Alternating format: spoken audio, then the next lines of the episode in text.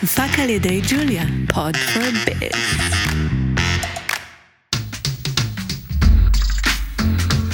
כסף של אחרים, על משכנתה, מימון וכל מה שביניהם. הפודקאסט של אבירם טננבאום. אהלן אהלן, היי אבירם, מה קורה? טוב, מה העניינים? מצוין, טוב להיות פה. גם טוב להיות פה. אז בעצם אה, יש לנו פרק נוסף, אמת. פודקאסט כסף של אחרים. אני אבירם טננבאום, מפרדס ייעוץ פיננסי ומשכנתאות, מומחה למימון. אנחנו עושים את כל המימון שאפשר לחשוב עליו בעולמות הנדל"ן. רכישה, בנייה, קיבוצים, נחלות במושבים. יפה. יש לנו אפילו פרק כזה. נכון? מחזורים, נדל"ן מסחרי, אשראי עסקי, מה שצריך כסף, פרדס משכנתאות. היום אנחנו עוסקים בקרטוגרפיה.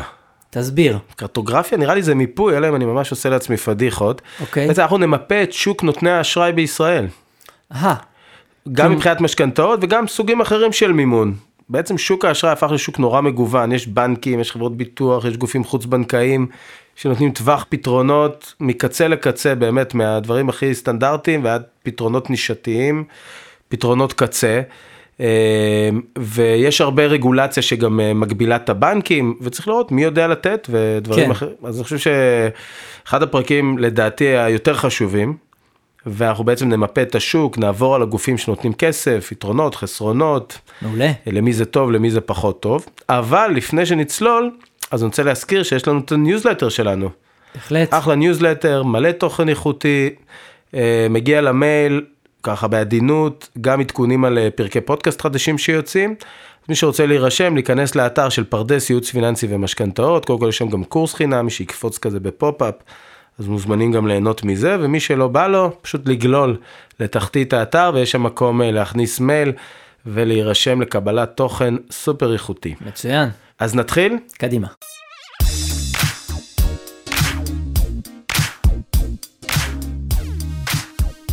אז אה, דיברנו על זה שאנחנו נמפה את שוק נותני האשראי. אנחנו נתחיל מ- מהכי מתבקש. זאת אומרת, הכי מתבקש זה בנקים. בנקים. כן.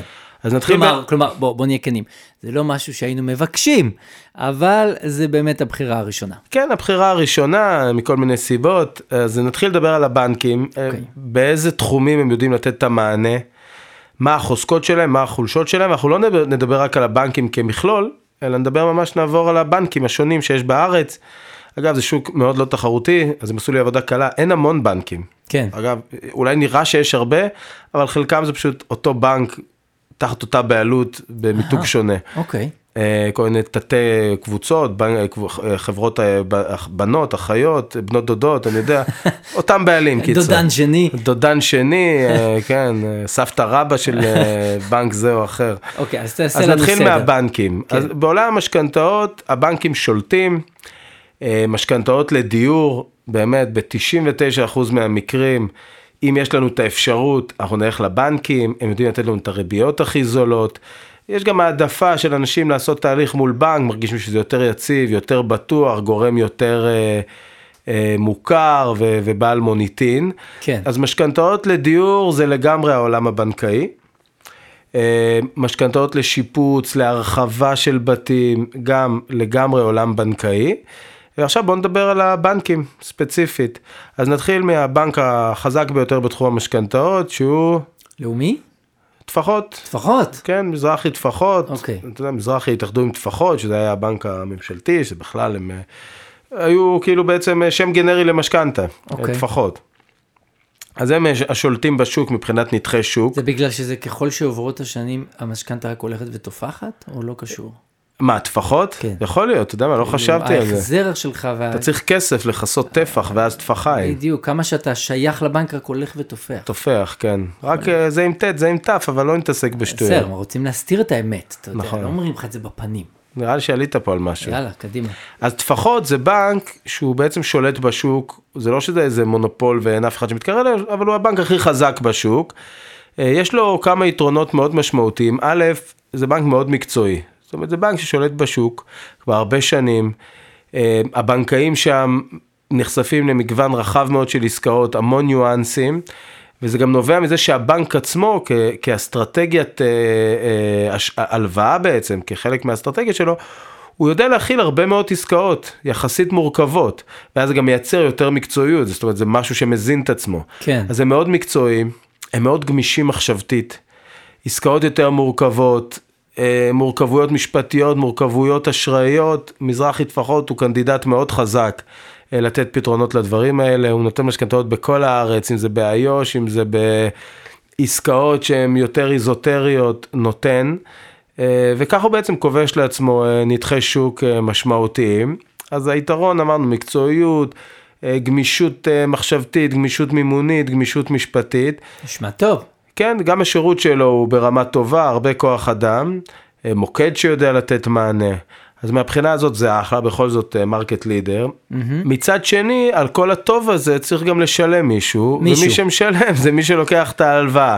ולכן מזרחי בדרך כלל אה, הוא בנק יותר יקר. עכשיו, בעסקאות סטנדרטיות, שבאמת כל הבנקים במשחק, ואין איזה חסם שמביא אותך ספציפית למזרחי, אם אתה תעשה תהליך ממצה מול אה, שלושה ארבעה בנקים, מזרחי לרוב יהיה היקר מביניהם, יהיה לו קשה מאוד להתחרות בבנקים אחרים, יש סיכוי לא מבוטל שהוא ירים ידיים. הוא כן יודע להתחרות שהוא ממש רוצה, אבל הוא בדרך כלל פחות תחרותי במחיר. אוקיי. Okay. זאת אומרת, הוא, הוא בעצם, הוא אומר, אוקיי, אני מקצועי, אני חזק, אני מגוון, אני יודע לתת מלא פתרונות, אני מתמחר ביותר ביוקר על הדבר הזה. זכותו, גוף עסקי לחלוטין, אין לנו שום בעיה עם זה. אה, זה מזרחי טפחות. הבא אחריו, בנק לאומי. בנק גדול, בנק יותר גדול ממזרחי, אם מסתכלים על סך הפעילות במשכנתאות, כן. הוא קצת יותר אה, קטן, גם באחוזים בודדים. יכול להיות שאני טועה, כן, הנתחי שוק זה משהו שהוא דינמי, אבל בגדול אה, לאומי בדרך כלל כמה אחוזים פחות ממזרחי. ולאומי גם יודע לתת לא מעט גמישות ברמה המשפטית, האשראית, פחות ממזרחי אני חייב לומר, אבל כן זה בנק שאתה בא אליו עם... עם דברים שהם לא קונבנציונליים או לא סטנדרטיים, הבנקאי לא מקבל שבץ במקום. הוא יודע להכיל את זה, והרבה פעמים גם יודע להציב לך פתרונות. יפה. כן? אה, שזה לא ככה בכל הבנקים. אה, אז הם כן יודעים לתת לנו גמישות, הם כן יודעים לתת לנו פתרונות מעניינים, הם כן יודעים להכיל מורכבויות, הם יותר תחרותיים במחיר. גם זה, כן, זה גם משתנה תקופה לפי יעדים של בנק וביצועים, אבל ככלל, אני יכול להגיד שהם יותר תחרותיים במחיר אה, ממזרחי. יש להם גם מחלקת אה, אה, דיגיטל, שבעצם אפשר לעשות משכנתה, כמעט את כל המשכנתה בתהליך דיגיטלי. לא יפה. תמיד זה עובר חלק, לפעמים זה, אתה יודע, זה נשמע טוב, אבל זה הופך לתהליך מסורבל ומאוד מאוד מתיש וקשה. אבל אה, בסדר, צריך להתחיל מאיפשהו. אז זה בנק לאומי, אה, והחסרונות שלו זה, כמו שאמרתי, הדיגיטל אה, לא מאוד אה, מוצלח, לפחות בתקופה הנוכחית. מבחינת תמחור, זה תלוי באיזה תקופה תופסים אותו. מבחינת כוח אדם וזמינות, בדרך כלל יש פחות בנקאים מאשר במזרחי טפחות. וגם עדיין הם לא יודעים באמת לתת מענה ל... או להתחרות במזרחי טפחות ברמת הגמישות שמזרחי טפחות יודע להציע. הבנק השלישי שאני אדבר עליו זה בנק הפועלים. כן. אה, אני גם עושה את זה פחות או יותר לפי הסדר של הנתחי שוק. אה, בנק הפועלים, בנק שאני חייב להגיד שהוא, אני מרגיש כיועץ שחי את השוק כבר לא מעט שנים, שיש שם גרף שיפור יפה. כן? כן. כי אני, אתה יודע, אין לי, אין לי את אותו אה, חשיפה אליו כמוך, אבל בפעמים הבודדות שהייתי איכשהו קשור אליו בתחום הזה, הרגשתי old fashion מהבנק לגמרי. אז קודם כל גם הם השיקו בשנה, שנתיים האחרונות מערכת להגשה דיגיטלית. האמת שאני לא סגור על זה, אם זה גם לקהל הרחב, אני יודע שכיועצים יש את זה. אוקיי. Okay. הם, אה, כן, גם אה, השיקו אה, מוקד מחזורים ללקוחות. זאת אומרת, הם כן עושים צעדים. אה, מה שאפיין אותם בעבר זה נוקשות אשראית מאוד מאוד אה, חזקה. זאת אומרת, אתה בא, אם אתה לא בשטאנץ, אל תדבר כן, איתנו. זהו, זה פחות או יותר החוויה שהייתה לי. אבל אני חושב שהם הבינו את זה, והם עושים מהלכים לייצר גמישות, עושים מתיחות כל בוקר, מייצרים יותר גמישות, כן. והם מרגישים את זה. אה, יודעים להביא פתרונות למצבים שהם לא ידעו להביא בעבר, הם עדיין לא בליגה של מזרחי ולאומי מהבחינה הזאת, אבל... אבל, אבל אם יש לך משהו שהוא קצת יותר מורכב, אתה לא פוסל אותם על הסף. אוקיי, אה, אבל כנגד זה הם יודעים לתת לך גם אה, ריביות יותר נמוכות לעומת כן, אה, שאר הבנקים? כן, הם בדרך כלל, שוב, זה משתנה תקופה, אבל כשבא להם, שנחה עליהם הרוח, הם יודעים להיות מאוד אטרקטיביים בתמחור. בעיקר ללקוחות שלהם. הם בנק שסימן בצורה מאוד חזקה את הלקוחות שלו. זאת אומרת, אם אתה לקוח של פועלים, הם יילחמו עליך חזק. וואלה, אוקיי. אה, גם בנקים אחרים אולי, אבל, אבל אצל פועלים זה מאוד בולט. אוקיי, יפה, זה טוב לדעת. אז אם אתה מאזין לפודקאסט הזה ואתה לקוח של בנק הפועלים, אז שווה לשמוע ממנו. כן. תמיד אנחנו ממליצים לעשות תהליכי משכנתה מול מספר בנקים, כן. אבל ובדרך כלל אני אמליץ שאחד מהבנקים יהיה הבנק שבו מתנהל החשבון, בפועלים זה ביתר שאת. אוקיי. אה, תדע שיילחמו עליך. אה, נחמד לדעת פוע- כזה דבר בסך הכל. כן, ממש לא. שיילחמו עליי, שירצו אותי. שירצו את תיק המשכנתה שלי. מה זה, זה, זה, זה כל כך אה, מרים לאגו. בטח מה, בימינו זה נדיר. ממש ככה. אה, הבנק הבא זה דיסקונט, אוקיי. אה, שגם להם אני חייב להגיד מילים טובות, זה בנק שעד לפני כמה שנים, מקווה שאני לא מעליב פה אף אחד, כאילו לקחת משכנתה בדיסקונט זה היה ויה דלה רוזה. אוקיי. הכל היה קשה ומסובך ותמיד נזכרים במסמכים ומלא טעויות ו...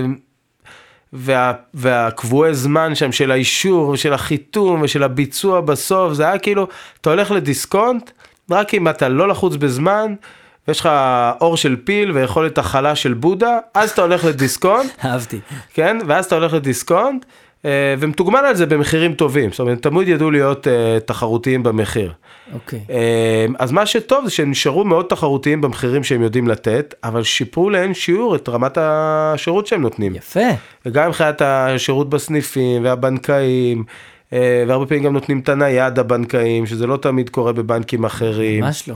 אה, אז נראה שהבנקים... אה, והם ב- מפנימים, והם גם זיהו, אתה יודע, שוק הנדל"ן בוער, הבנקים זיהו ש- שיש שם עוגה- עוגה מלאת קרם. כן. ופתאום בנקים שזה פחות היה בפוקוס שלהם אמרו אוקיי אני רוצה לכבוש מהנתח שוק אני רוצה מכל הטוב הזה כי זה נהיה מ, אתה יודע, מענף אחד של עולם הבנקאות זה הפך למשהו שהוא אוקיי אני חייב לנגוס פה. כן. ואז הם התחילו לשים שם משאבים ולסמן את זה כיעד אסטרטגי והשיפורים באו בהתאם. אה, ודיסקונט בגלל שהוא התחיל ממקום נמוך הוא עשה שיפור גדול. והיום זה בנק שנותן בראש זאת אומרת במשכנתאות כן.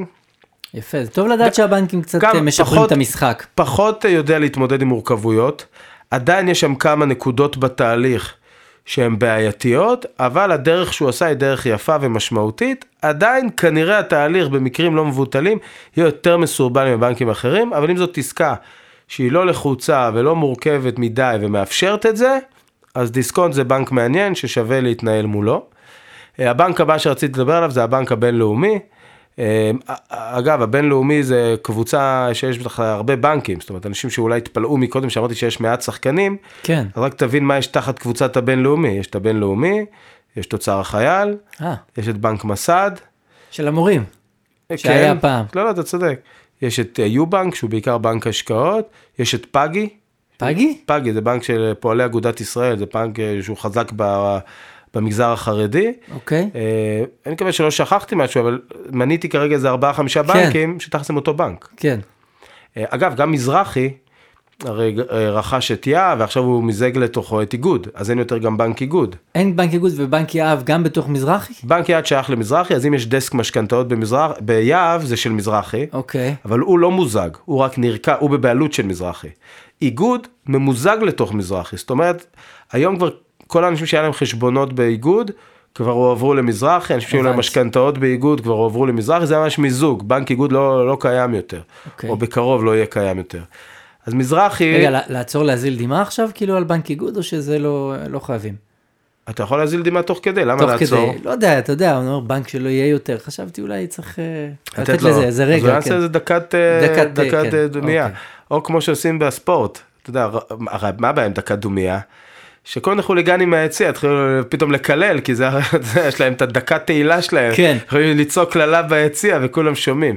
ואז שינו את זה לדקה של מחיאות כפיים. וואלה. כן, טוב, טוב, אתה פחות בספורט. לא, אני לא בספורט. כן, אז אה, אוקיי. אפשר לתת פה דקה, דקה של מחיאות כפיים. בוא, בוא נחסוך את זה מעצמנו, אבל אה, ציינו את זה. כן, אחלה. אז, אה, אז כל קבוצת הבינלאומי אני מתייחס אליהם כמקשה אחת. ואני אגיד עליהם שמשכנתאות זה לא הפורטה שלהם, לא החוזקה שלהם. אוקיי. מבחינת, זאת אומרת, הם בעיקר רלוונטיים ללקוחות שלהם. אם אתה לא לקוח שלהם, הסיכוי שתלך לבינלאומי הוא לא גבוה. כי התהליך יהיה מאוד מייגע, בדרך כלל השירות נורא איטי, אין הרבה בנקאי משכנתאות והמטה הוא, הוא לא מטה גדול שיודע לתמוך בפעילות ענפה, הכל זז לאט, הכל מסורבל, הכל קשה, לוקח הרבה זמן. אגב, אני יכול לכתוב על זה תביעת דיבה? זאת שאלה טובה. טוב, אנחנו נצטרך להתייעץ עם עורך דין לפני. שנפרסם את הפרק. כן, כנראה.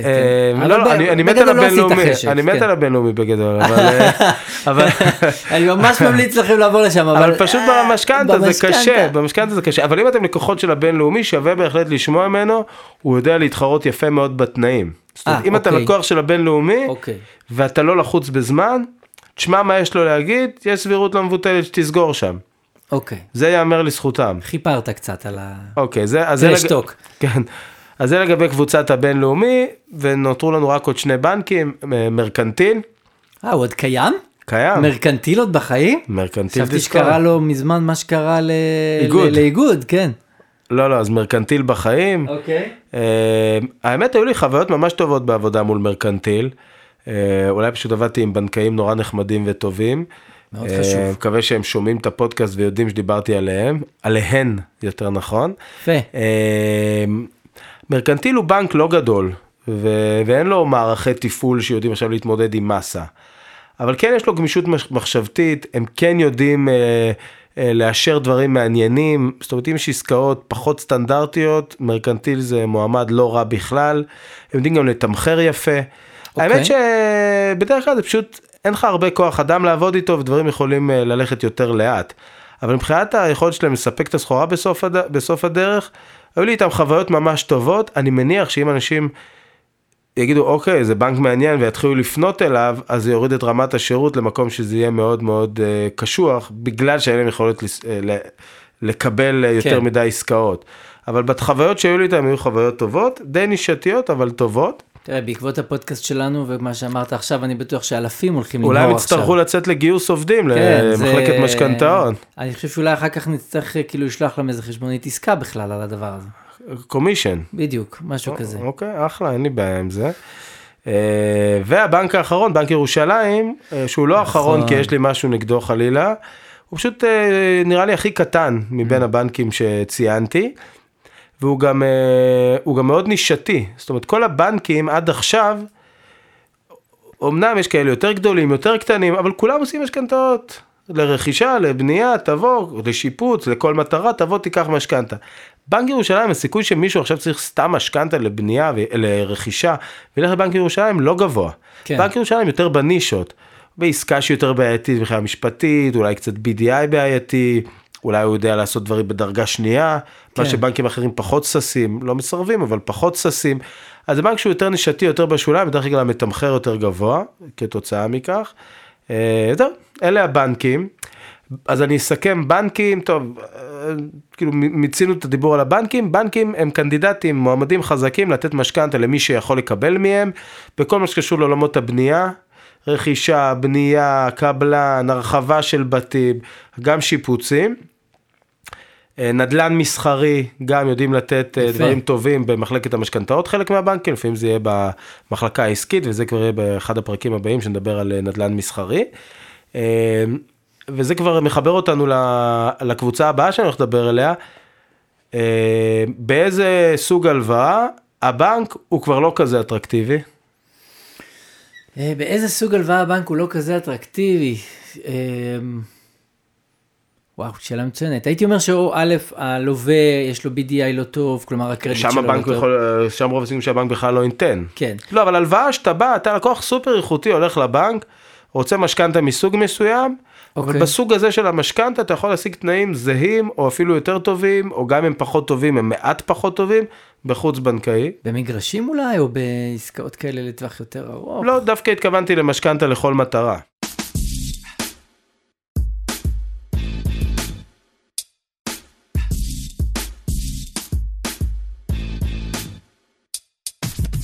אז בעצם המשכנתה שבה אה, בנקים לא בהכרח יותר טובים מגופים חוץ בנקאיים זאת משכנתה לכל מטרה.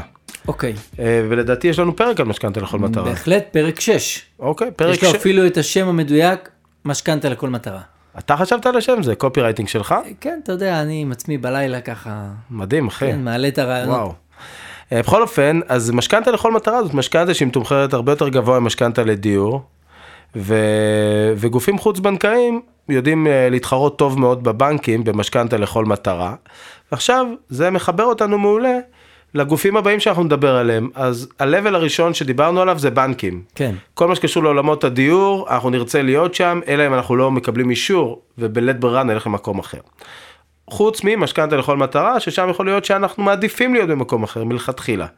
המקום הבא, ה-level השני, שאני מסדר את זה מבחינה, גם מבחינת הרמת ביטחון שאתה מקבל כשאתה הולך לגוף כזה, מבחינת המעמד שלו וגם מבחינת הגודל שלו, אז הגוף, ה-level הבא זה חברות ביטוח. אוקיי. חברות ביטוח שנותנות משכנתאות, אז אני אגיד מראש ואוריד את זה מהשולחן, יש הרבה חברות ביטוח שנותנות משכנתאות הפוכות. נכון. זה סוג של משכנתה לכל מטרה, יש לנו גם פרק על הפוכות. נכון. ועוד שנייה אתה תגיד לנו גם איזה פרק זה, בבקשה. וכרגע אנחנו לא נדבר על הפוכות, שאני מדבר על אה, סקירה של שוק החוץ בנקאי בעולמות המשכנתאות, אני מדבר על משכנתאות רגילות. נו, אז איזה פרק זה ה... אתה לא מאמין, זה מיד אחרי משכנתה לכל מטרה, פרק שבע? 7, משכנתה הפוכה. אה, אז אפשר לעשות אה, בינג', אה, כל מטרה והפוכה גם. נו, מדהים. אה, אוקיי, אז, אז בעצם אני לא הולך לדבר פה על הפוכות, אז אני מתייחס רק לחברות ביטוח שיש להן משכנתה רגילה, ונכון להיום יש שתיים כאלה, יש את כלל, שהיא הכי ותיקה, ויש את אה, מנורה. אה, ובעצם הם יודעים לתת משכנתה לכל דבר ועניין. עכשיו, מה היתרון העיקרי שלהם? או, זאת שאלה טובה, אתה יודע לענות לי עליה? מה העיקרון העיקרי שלהם? אה, אני אגיד לך מה, שהם יודעים להיות גם משכנתה דרגה שנייה. ספציפית חברות הביטוח פחות. לא, אני, אה, אני צ- נופל היום בשאלות. קיוויתי לתשובה אחרת. שהם לא כפופים לרגולציה של המפקח אה, על הבנקים. נכון. הם לא בנק, הם ולכן לא הם לא בנק. כפופים לרגולציה. הגיוני. וזה אומר שהם יכולים לעשות עסקאות שלבנק אסור. נגיד, מה העסקה הכי פופולרית שבן אדם ירצה לעשות, שהוא לא יכול לעשות מול בנק?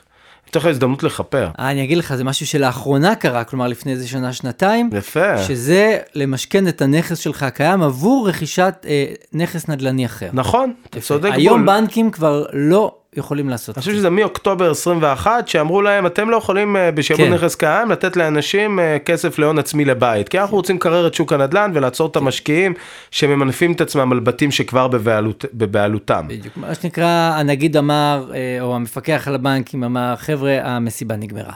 כן. כן. אה, אגב, המפקח על הבנקים זה גם, זה של בנק ישראל, זאת אומרת, זה בתוך אה. בנק ישראל. אה, בסדר. אה, ובעצם גוף חוץ בנקאי שלא כפוף לרגולציה, אין לו בעיה, אתה רוצה לשעבד את הנכס הקיים שלך, בוא ניתן לך כסף, תעשה כן. איתו מה שאתה רוצה, בית, לך לקזינו, תעשה מה שבא לך. כן. אה, ואז הם בעצם נהנו, נהנו מההפקר, פתאום יש אליהם זרם של משקיעים. עכשיו המשקיעים האלה בחלקם הגדול לווים איכותיים. הבנק היה מת לתת להם, אבל הוא לא יכול מבחינת רגולציה, ואז כן. פתאום יש חברת ביטוח שהיא גוף רציני, מבוסס, יודע לתת את הכסף בעלות סבירה, ויש לו שוק עצום שנפתח, שזה כל המשקיעים שרוצים להוציא כסף מקירות של בתים בבעלותיהם. אז עוד נגיד דוגמה, עוד דבר שהם יכולים לעשות זה אם אתה קונה נכס שני, ובבנקים אתה יכול לקבל עד 50% מימון, אז בחברות ביטוח לרוב זה עד 60% מימון. אה, אולי יפה. נשמע מעט, אבל עוד 10% זה יכול להיות לפעמים- עוד 100, 200, 300, 400 אלף מה שקל. שסוגר את העסקה, ברור. כן. אה, אז הם לא כפופים לרגולציה, יש להם יותר גמישות אשראית, גם מבחינת אה, אה, התחשבות בהכנסות. חייב לומר ש, שמבחינת ההשקפה שלהם, מבחינת הנהלים שלהם, החיתום שלהם הוא די קפדן, כמו בנק. זאת אומרת, הם לא נותנים לכולם והם לא מאוד ליברליים, אבל יש להם יותר יכולת להתגמש, כי אין להם כן. הגבלות רגולטוריות קשיחות. כן. אז זה לגבי חברות הביטוח. אוקיי. ושם שחקן בדרך כלל. פחות עושים דרגה שנייה אגב, בחברות הביטוח. אה, יש לרוב שני סוגים, אם זה לטובת רכישת דירה, כאילו ממש בשעבוד הנכס הנרכש, תהיה ריבית מסוימת, ואם זה בשעבוד נכס קיים, גם אם זה לטובת רכישת דירה, אבל בשעבוד נכס קיים, זה תהיה ריבית אחרת, אוקיי. וריבית, ושזה כאילו ה-level היותר גבוה, שזה נגיד הייתי מגדיר אה, הכל מטרה שלהם, והכל מטרה של חברת ביטוח, הוא הרבה פעמים יותר אטרקטיבי מכל מטרה של בנק. זאת כן. אומרת, אם יש לך נכס בלי שיעבוד, ואתה צריך חצי מיליון שקל לאיחוד הלוואות, או להשקעה בנדל"ן בחו"ל, יכול מאוד להיות שלקחת את זה מכלל, סליחה אם אני מקפח פה חברה אחרת, אה, יהיה לך יותר זול מלקחת את זה מבנק. כן. אה, ושם בעצם הם מאוד תחרותיים.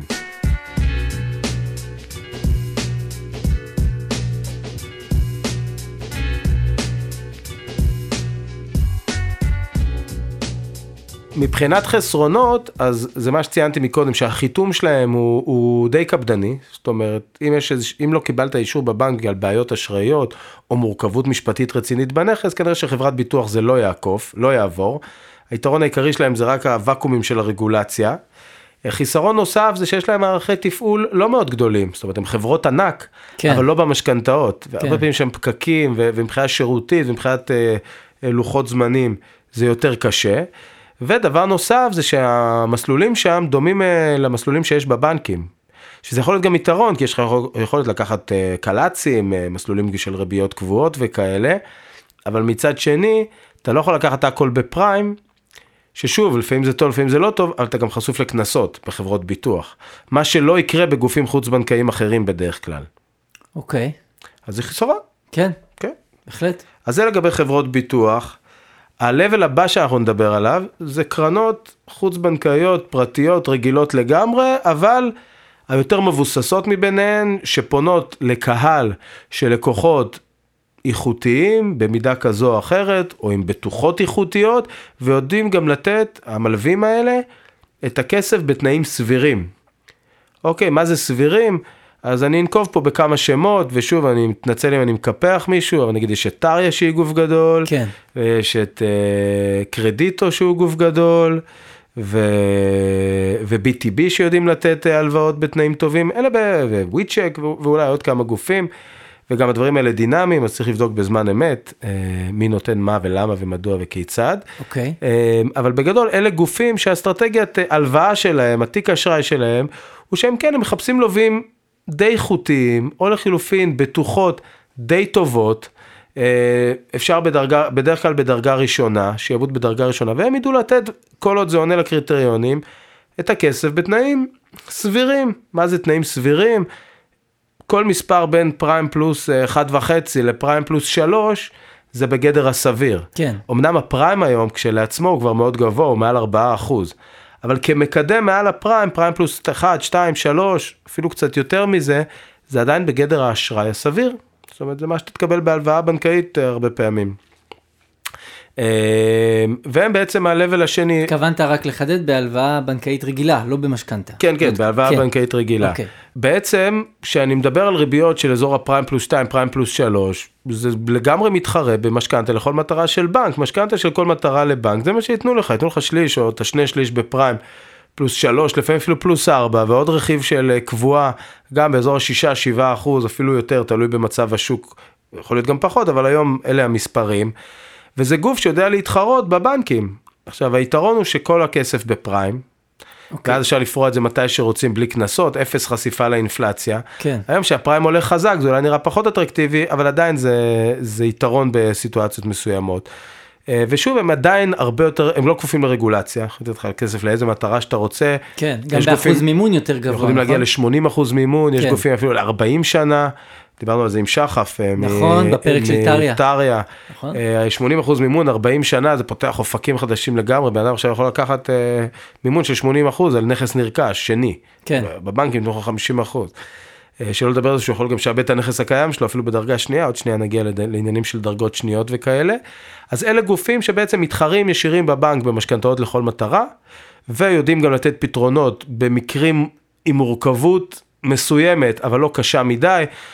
נגיד BDI רך, בעיות BDI רכות. מה זה בעיות BDI רכות? חזרו לי כמה צ'קים, אולי לא כיבדו לי משכנתה, אולי לפני כמה שנים היה לי רקורד בעייתי, אה, דברים כאלה שהם לא הארדקור, אני היום בהגבלה, היום כן. בכינוס נכסים, אני עוד שנייה אה, אה, בחדלות פירעון, לא כזה, אבל, אבל הם כן יודעים אה, לספוג מורכבות מסוימת ועדיין לתת תנאי ריבית טובים. אז זה ה-level השלישי שבעצם אנחנו מדברים עליו, והחסרונות שלו זה א', שהריבית היא בכל זאת יחסית גבוהה, הם לא יכולים להתחרות עם בנקים בעסקאות לדיור, בכל מה שקשור לתנאים. כן. דבר שני, העלויות הקמה של הלוואות כאלה הן בדרך כלל יקרות. אוקיי, הם אוקיי. מרוויחים חלק גדול מהכסף שלהם, לא מהריבית, אלא מעלויות הקמה. זאת אומרת, אוקיי, אתה רוצה מיליון שקל, אנחנו לוקחים אה, 2% עמלת הקמה, בבנק זה 350 שקל. הבנתי. 20 אלף שקל בום. כן, תביא אוקיי. לנו עכשיו, או שנגלגל את זה לתוך ההלוואה, ואז גם נגבה לך ריבית על זה עכשיו 20 כן, שנה. כן, אז אוקיי. עלויות הקמה גבוהות, וצריך שמאות שהיא בלי הפניה מבנק, אז היא עולה כמה אלפי שקלים, והרבה פעמים יש גם גילום של ההוצאות המשפטיות, כי מישהו צריך להכין את החוזה הלוואה. כן. קיצור, מגלגלים עליך מגלגלים הכל. עליך כל מה שאפשר. אתה יכול למצוא את עצמך משלם עוד כמה אחוזים טובים, אה, בנוסף לסכום ההלוואה, כן. אה, וזה משמעותי, כי ברור. גם אם אתה אומר וואלה, אוקיי, התנאים טובים ונשמע לי אחלה, ו- ו- ו- ו- אז אתה אומר רגע, אבל רק הסיבוב הזה, רק עצם הפעולה עכשיו עולה לי 30, 40, 50 אלף שקל, כן, זה מרתיע. כן. אז, אז זה נגיד אה, חיסרון, אבל אלה גופים שנותנים פתרונות מצוינים בשוק, ולראיה גם היקפי הפעילות שלהם, יש שם גופים שכבר יש להם תיקי אשראי של מיליארדים. כן. כן, הם הלכו וגדלו בעיקר בתור הזהב הזה של אה, 2021. זה היה- ובעיקר הרגולציה שדוחפת אליהם חלק נכבד מהשוק. נכון. ועוד דבר שאני רוצה להגיד בהקשר הזה, זה שחלק מהגופים האלה יודעים גם לתת את המשכנתאות בדרגה שנייה. זאת אומרת, לי יש משכנתה דרגה ראשונה בבנק, אני רוצה עכשיו משכנתה לכל מטרה, אני יכול לקחת בבנק שלי, או שאני יכול לחפש בגוף חיצוני. עכשיו, אם הגוף החיצוני הזה יודע, יודע לתת לי דרגה שנייה בתנאים אטרקטיביים, אז אולי אני אקח ממנו. מה שכן, דרגה שנייה לרוב מתומחר יותר יקר מדרגה ראשונה. בדרך כלל אני אלך לדרגה שנייה אם יש לי קושי לקבל תוספת בבנק. רק תעשה לנו סדר במה זה אומר דרגה שנייה באיזה משפט למי שלא כן, מכיר. דרגה שנייה זה אומר שהבית שלי כבר משועבד למישהו. נגיד אוקיי. לקחתי משכנתה על הבית מבנק לפני כמה שנים, עכשיו אני רוצה משכנתה נוספת. משכנתה נוספת אני יכול ללכת או לאותו בנק, כי הבית שלי כבר משועבד אליו, במידה והוא יכול לתת לי מבחינת רגולציה ועניינים אשראיים. ואם הוא לא יכול, אז אני יכול לפנות לגופים חוץ בנקאיים, שהם מבינים שהגוף הראשון ששיעבד זה הבנק, והם נותנים לי כסף נוסף, נרשמים כמשעבד בדרגה שנייה, זה אומר שהם שניים בתור. אם חלילה קורה משהו ועכשיו הולכים למשפט. מפנים אותי מהבית, מוכרים את הבית, הם השניים בתור אחרי הבנק. כן, אז מן הסתם זה, זה משקף יותר סיכון עבורם, מה שגם אומר שהם יתמחרו את ההלוואה יותר ביוקר. כן. אה, ואלה מקרים ש, שהם בדרך כלל אה, בריביות יותר, יותר יקרות. מתי המקרה הקלאסי ללכת לגוף חוץ בנקאי כזה? ללקוח טוב, זה אם זה נגיד נכס נקי משעבוד, משהו שהבנק לא יכול לתת, ואז כן. אתה מקבל את זה בדרגה ראשונה, בתמחור טוב, וזה פתרון מושלם עבורך, בוננזה. אה, או לחילופין, אם אתה לא יכול לקבל תוספת על משכנתה קיימת בבנק, אתה הולך עושה שם דרגה שנייה, גם בתמחור קצת יותר גבוה, זה פתרון בול, עדיין בתנאים הוגנים. כן, גם בדרך כלל הסכומים יותר נמוכים, ואז כן, הריבית גבוהה. זה לא כזה נורא. זה כאילו הטייפקאסט המושלם, כן. כן. מבחינת, אה, מבחינת שני הצדדים. אה, והרבה פעמים זה יהיה גם כל מיני אחרים שקשה להם לקבל בבנק, שלא יכולים לקבל בבנק, הניואנסים הם אינסופיים בעולמות האלה. והגוף הבא, הבאים שאני אדבר עליהם זה קרנות חוץ בנקאיות שנמצאות ב-level הרביעי, קרנות פרטיות, ששם יש המון גופים, אני גם לא אנקוב בשמות, כי יש לדעתי עשרות רבות. אוקיי. שזה בעצם יזמים שהחליטו שהם מקימים קרן, שהביזנס זה לתת הלוואות לאנשים, כל אחד מחליט לעצמו את האסטרטגיית השקעה שלו. אני רוצה לתת דרגה ראשונה עד 60% מימון באזור המרכז. אני מוכן לתת עד ש- 80% מימון עד מול הערות אזהרה בלבד כדי להפוך את עצמי ליותר אטרקטיבי. בבתים אה, קיימים בתל אביב בלבד. אני רוצה לתת, אה, קיצור, כל אחד, כן. מערב פרוע, עזוב, בואו פשוט כן. נקצר, מערב פרוע, כל אחד נותן למי שהוא רוצה, באיזה תנאים שהוא רוצה, כמובן כל עוד הוא עומד בחוק אה, אשראי הוגן. ו... וזהו, ושם יכולים להיות מספרים מאוד גבוהים. שם רוב ההלוואות יהיו בהלוואות בלון. זאת אומרת שבעצם הרעיון שמי שמגיע לקחת שם זה מישהו שנמצא במצוקה כלשהי. כן, או שברמה האשראית יש מורכבות מאוד גדולה והוא לא יכול לקבל, והוא חייב. או שברמה המשפטית יש מורכבות מאוד גדולה והוא לא יכול לקבל, אבל הוא חייב. או שמאוד משתלם לו, ובאמת יש מורכבות, והוא אומר, אוקיי, אני עושה פה מהלך זמני, סופג עלויות מימון מאוד גבוהות, אבל העסקה מאוד אטרקטיבית עבורי, כן. ואחרי זה אני אדע לצאת מהסיטואציה הזאת. ואז בדרך כלל זה הלוואות שניתנות במתווה של בלון, הלוואת בלון, משלמים את כל הקרן כעבור תקופה, בדרך כלל זה שנה, שנתיים או שלוש. אה, יש כאלה שירצו שתשלם ריבית תוך כדי, יש כאלה שזה בלון מלא, לא משלמים כלום, כמובן שזה גם תלוי בשיעורי המימון. ריביות מאוד גבוהות, דו ספרתיות, כל מספר בין 10 ל-18 אחוז יכול להיות שם. כן, אה, זה הרבה מאוד כסף, עלויות הקמה גבוהות, כמה אחוזים שלמים, כמו שאמרנו מקודם, רק על סטרואידים. אה, ומשם, גם הדרך לצאת משם היא קשה. למה? אוקיי. כי אם לקחתי היום הלוואה בשעבוד נכס קיים לטובת אה, השקעה בנכס מטריה, אני לווה חזק. יכול להיות שעוד כמה שנים אני יכול למחזר את זה אם אני ארצה לבנק, אם הרגולציה תשתנה, או, או לעשות עם זה משהו, עם המימון אוקיי. הזה. אם אני היום במצוקה, עם החבל על הצוואר, חזרו לי צ'קים, אני ב-BDI, אם אני לא עכשיו מביא 500 אלף שקל ומשלם את כל החובות הוצאה לפועל שלי, אני בחדלות פירעון. אני עכשיו אקח את הכסף גם ב-15% ריבית, גם אם זה עולה לי 100 אלף שקל כל הסיבוב הזה, אין לי ברירה. כן. זה או זה או התחתית. אה, אז אוקיי, הלכת, עשית את זה. עכשיו, מה, עכשיו, בעולם הזה יש מונח שהוא exit strategy, כאילו, האסטרטגיית יציאה. כן. אוקיי, לקחת בלון לשנתיים שלוש. איך בוא לא נפטרים נטמון- ממנו? בוא לא נטמון את הראש בחול. מה קורה, מה יהיה שונה עוד שנתיים שלוש, שתוכל לעשות משהו עם האשראי הזה, כי זה בלון שהתפוצץ. זאת אומרת, תצטרך להביא את הכסף. כן. ואז זה אחד משניים. או שיש איזה אירוע שאמור להכניס כסף, מכירת בית, אומר אוקיי, אני בא, מיישר חובות, מוציא את הבית למכירה, יוצא לדרך חדשה, שנתיים מספיק לי. כן. או כספים אחרים שכבר ידוע שאמור, שאמורים להגיע. אז כאילו, אז אסטרטגיית יציאה אחת זה מכירת בית או פירעון ההלוואה מכספים שכבר ידוע שאמור להגיע, שידועים שאמורים להגיע. או שהדבר השני זה להגיד, אוקיי, אני לוקח את הכסף לשנתיים שלוש, בשנתיים שלוש האלה אני הולך להיות ילד למופת, כן. טאטאלה, ה-BDI שלי יהיה מבריק מרוב שהוא יהיה טהור, כן. הכל הולך להיות מושלם, ואז אני ממחזר את זה לבנק לטווח ארוך, וככה בעצם אה, יוצא מהסיטואציה הזאת של הבלון. אה, אבל אם הדברים לא הולכים כמו שצריך, ופתאום אין את הכסף, ופתאום ההתנהלות הבעייתית נמשכה, מה שלא מופרך, כי הרבה פעמים זה אנשים שזה משהו כן. כרוני אצלם, זאת אז- בעיה. אז אתה בבעיה. אז כן. אתה בבעיה, כי לקחת את הבלון הזה, ואז לעבור לשכן, לקרן השנייה, שנותן באותם תנאים לעוד שנתיים שלוש של בלון, זה מאוד קשה.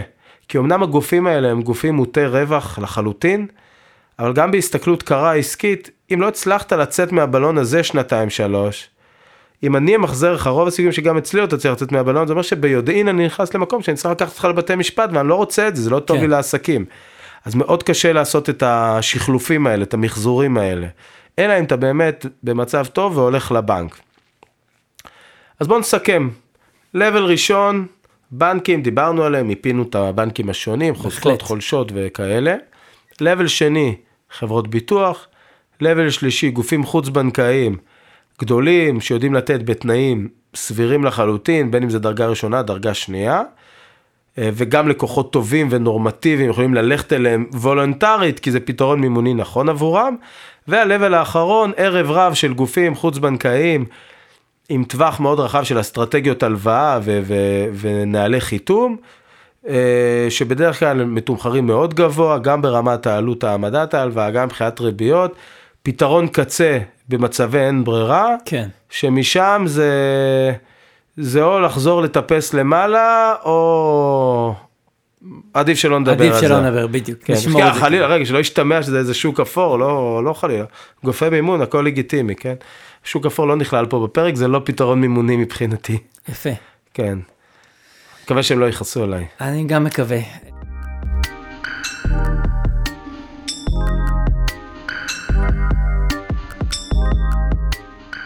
טוב, מעניין, בהחלט עשית סדר, וגם אני חושב שנגיד עד הפרק הזה בכלל לא חשבתי שיש הרבה אפשרויות. זאת אומרת, זה היה כזה מין או שהולכים לבנק ומצליחים או שלא. כאילו, לא, אז השוק החוץ-בנקאי הוא, הוא במגמת צמיחה. שוב, מי שלא שמע, ממליץ מאוד על הפרק עם אה, שחף, עם אה, נכון. הפרק על טריה.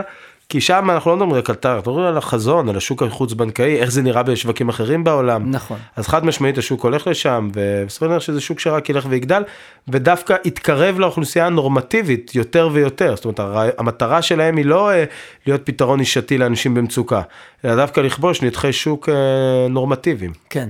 כלומר, להתקרב יותר לעלויות של הבנקים. זה השאיפה שלהם, נגיד, כן. להיות אלטרנטיבה לבנקים. זה בעיקר תלוי בעלויות גיוס של הכסף מהצד שלהם, אבל זה לא מהות הפרק שלנו. ברור. אז אני מקווה שעשינו סדר ושעזרנו. מזמין את כל מי שיש לו שאלה לפנות בכיף, פרדס, פייסבוק, אה, וואטסאפ, אה, טלפון, הכי בכיף, ושוב, על הניוזלטר שלנו, לגמרי. ויאללה, נתראה בפרק הבא. יאללה, תענוג, תודה רבה. ביי, אחלה יום, תודה. כסף של אחרים. על משכנתה, מימון וכל מה שביניהם. הפודקאסט של אבירם טננבאום. Julia, Pod for Biz.